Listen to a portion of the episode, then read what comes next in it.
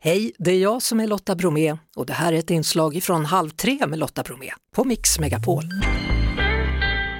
Dags nu för vår statsminister. Det är Socialdemokraternas tur att besöka Halv tre-studion. Så, Magdalena Andersson, Socialdemokraternas partiledare, välkommen till Halv tre. Tack så mycket. Ja du, vilka långa dagar du har och vad liksom fullspäckat det är hela tiden. Jo men det är klart, så är det. det är, dels är jag statsminister och så är det ju valrörelse ovanpå det. Hur tycker du tonen har varit i årets valdebatt? Fruktansvärd. Varför? Men det är väldigt högt eh, tonläge. Jag pratade med min företrädare Göran Persson så sent som igår just där. Han sa att det här, det, tonläget är något helt annat än, än när han var statsminister. Annie Lööf hon föreslog ju häromveckan då en samlingsregering, Socialdemokraterna och Moderaterna. Är, är det möjligt?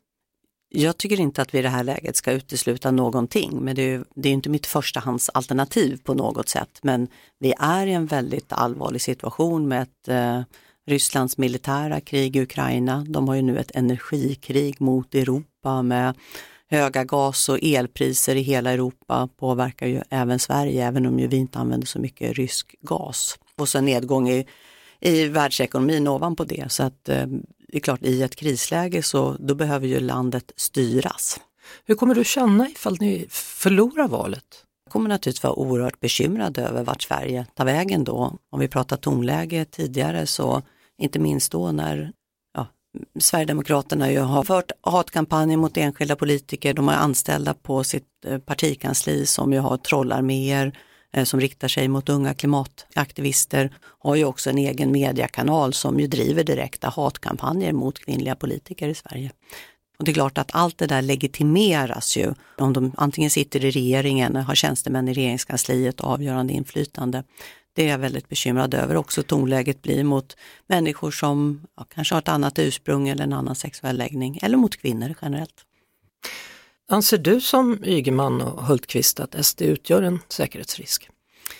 Det går ju inte att blunda för det faktum att eh, det finns eh, Rysslands kopplingar i Sverigedemokraterna, att de också haft personer som haft Rysslands kopplingar i försvarsutskottet i Sveriges riksdag och att Jimmy Åkesson ju nu på våras inte kunde välja mellan president Biden och, och den man som nu ju bombar sönder eh, Ukraina har ett energikrig mot Europa som gräver djupa hål i svenska hushållsplånböcker.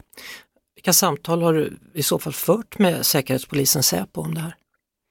Eh, Säkerhetspolisen följer naturligtvis utvecklingen hela tiden i svensk politik. Men det är klart det är en väldig skillnad om Sverigedemokraterna skulle hamna i regeringen eh, eller ha tjänstemän på regeringskansliet för där finns ju väldigt mycket säkerhetsklassad material som inte bör spridas till främmande makt. Men, men, om nu SD är en säkerhetsrisk, anser du att de inte borde få vara med då när utrikesnämnden träffas till exempel?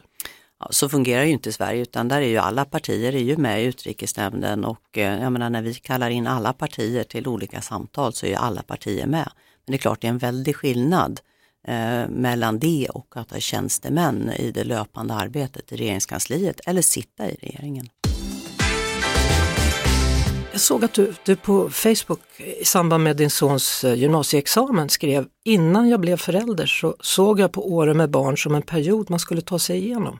Så korkat av mig. Vad, vad tänkte du där? Vad menade du? Ja men eh, jag tror innan jag fick barn så tänkte jag nog att det var liksom jobbig period men att man ville ha barn för att man liksom ville ha dem när de var större. Men sen när man fick barn så har ju liksom varje dag verkligen varit en glädje och en njutning. Ja. Och jobbigt också såklart ibland. Men, så du upptäckte att du gillade yngre barn också då? Ja, Ja, jag hade nog, liksom, jag hade nog, inte, jag hade nog liksom inte riktigt fattat hur mycket man skulle älska den där lilla varelsen redan mm. från början. Apropå familj, din pappa betydde väldigt mycket för mm. dig. Hur ofta pratar du med honom fortfarande? Med pappa? Mm. Jag pratar ju inte med honom, men jag tänker mycket på honom och han finns ju närvarande på ett fint sätt och inte minst när det är något med händer något med barnen, alltså ja, när man tar gymnasieexamen eller tog körkort eller så, då önskar man verkligen att han hade kunnat få vara med och uppleva det. Mm. Både Min... för honom och för dem såklart. Min pappa han, han eh, gick bort för två år sedan. Mm. Och han var lite lik din pappa tror jag, för min pappa körde mig till alla bordtennismatcher, alla tennismatcher, alla fotbollsmatcher. Och jag har förstått att din pappa var också en sån pappa som verkligen var med i det mm. som var viktigt för dig. Mm. Nej, verkligen, Vi, han skjutsade till träningar, han skjutsade till tävlingar. Man får ju också mycket tid att prata med varandra när man sitter där i bilen och sen så sportade vi en hel del tillsammans också och åkte längdskidor. Så att vi stod varandra väldigt, väldigt nära. Och så får han då en diagnos, 56 år gammal, mm. Alzheimer. Hur kändes det? Hur funkade det? Alltså diagnosen blev ganska odramatiskt eftersom det satte ord på någonting som vi ändå, det vi hade ju förstått att något var fel och då fanns det ett ord som man kunde sätta på det. Så så sätt var kanske själva diagnosen ingen dramatik. Utan det var ju perioden innan när man märkte att han förlorade förmågor och inte visste vad det var. Är du rädd? Eftersom Alzheimer till viss del, man vet ju inte allt än, men är ärftligt, blir du rädd? Att du ska få samma? Jag ska inte säga att jag går, det är inget jag går och oroar mig över, men jag är ju medveten, jag lever ju mitt liv medveten om att jag har en förhöjd risk. Och eh, då ska man ju äta bra, man ska sova, träna och inte stressa. Det var och just jag det lever sista då där. inte, det sista lever jag ju inte i enlighet med. Jag försöker eh, sköta mig på andra sätt. Mm.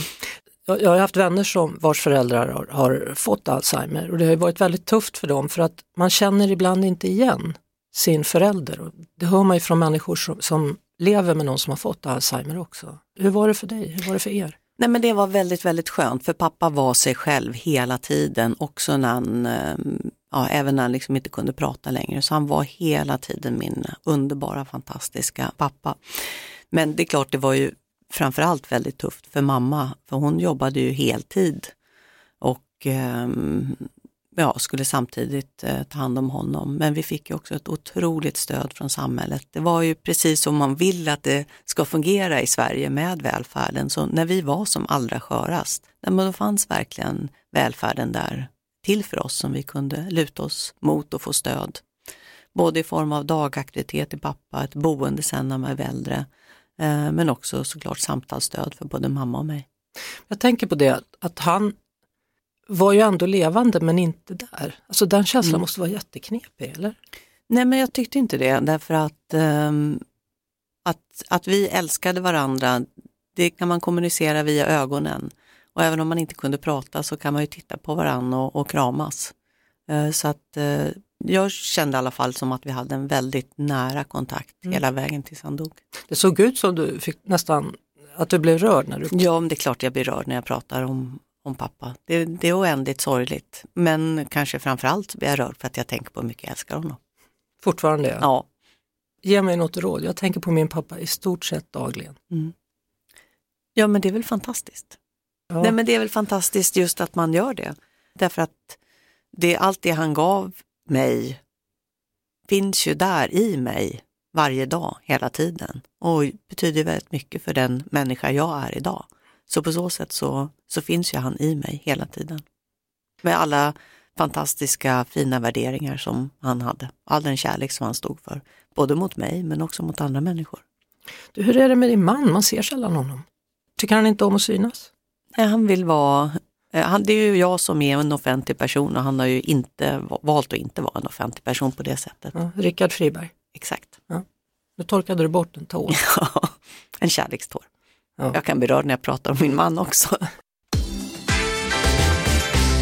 Vem var du när du var tonåring? Um, jag um, var, hade roligt med mina kompisar och pluggade mycket. Ja. Hon var aktiv i SSU. Jag blev så förvånad för jag såg du hade ett strålande betyg och så plötsligt var det en tvåa och så tänkte jag måste ta reda på vad det var en tvåa och då blev jag ännu mer förvånad. Det var i idrott. Ja, inte det är jättekonstigt med tanke på att du faktiskt var en väldigt duktig simmare. Mm. Jag eh, var inte så förtjust i idrottsundervisningen i skolan så att eh, det är bara ärligt att säga, jag var inte alltid där. Skolkade du? Ja. Hopp. Men ändå, du var ju en idrottstjej. Ja, så jag idrottade mycket. Ja, men... Så jag var duktig när jag var där. ja, precis, men, men, du var riktigt bra i simning. Ja, ja jag vann ju ungdoms två gånger. Hur, hur, blir du när du blir riktigt arg? Arg? Blir du rejält förbannad eller? Kastar Nej. du saker eller skriker du eller knyter du näven i fickan eller vem är du? Eh, nej, jag eh, är nog ty brukar vara tydlig. Jag är ju väl, ja, tydlig och det är också när jag är arg. Men sen kan ju där, inte helt sällan att det där misstolkas, att kvinnor som är tydliga kan ibland uppfattas som arga. Ska vi ta lite ja och nej-frågor? Ja. Ska vi tillåta fri abort i Sverige? ja som vi, vi tycker dagens abortlagstiftning är bra, ja. Ska vi höja skatterna? På de som är, har de, är de allra rikaste och har de största förmögenheterna vill vi att de ska vara med och bidra till nu när vi ska bygga ut försvaret, för det kommer kosta en del. Har du en för hög månadslön idag? Ja. Är Putin en krigsförbrytare? Så här, det ska ju dömas i internationell domstol, men han, han är ju ansvarig för ett illegalt och brutalt krig i Ukraina. Sorterar du soporna? Ja. Ska vi kunna köpa vin på ICA? Nej. Vet du vad ett halvt kilo smör kostar? Mycket. Blir Donald Trump president igen? Nej, hoppas jag verkligen inte. Är lantisar smartare än stockholmare? Jag tror eh, smarthet inte utgår från geografi Ska kulturen bekostas av privata medel? också. Sitter du kvar som partiledare under nästa mandatperiod? Ja, Det är inte upp till mig utan till partiet, men jag står till förfogande. Har du någonsin testat droger? Vad? Ja. Vad? Eh, Jag har provat och, och Mariana. Hur var det? Dumt. Men är det en erfarenhet du hade velat vara utan eller känns det bra? Absolut. Ja, det var korkat. Det var dåligt. Jag bodde i Chile. Det är väldigt vanligt där. I Chile? Mm. Jaha, det visste inte jag. Ja. Vad gjorde du i Chile? Jag och min man skrev vår C-uppsats i Chile, alltså examensarbetet från universitetet i Chile och då passade vi på att bo där och läsa spanska samtidigt och eh, var på universitetet där. Det var en bra erfarenhet. Nu är det inte så många dagar som återstår till valdagen. Hur tänker du? Eh, jag är väldigt fokuserad på alla de möten som jag har med människor och det kommer vara mycket utfrågningar så att det är ju full fart och framförallt så hoppas jag att svenska folket eh, går och röstar för det är ju det absolut viktigaste. Vi behöver kämpa för vår demokrati. I Ukraina så är det många som kämpar med sina liv som insats just nu för att kunna få rösta i fria och allmänna val och vi ska ju ta den möjligheten, alla i Sverige. Det var det. Vi hörs såklart igen på Mix Megapol varje eftermiddag vid halv tre. Ett poddtips från Podplay. I podden Något Kaiko garanterar östgötarna Brutti och jag, Davva, dig en stor dos skratt. Där följer jag pladask för köttätandet igen. Man är lite som en jävla vampyr. Man har fått lite blodsmak och då måste man ha mer. Udda spaningar, fängslande anekdoter och en och annan arg rant. Jag måste ha mitt kaffe på morgonen för annars är jag ingen trevlig människa. Då är du ingen trevlig människa, punkt. Något Kaiko, hör du på Podplay. Därför arkadeinerna.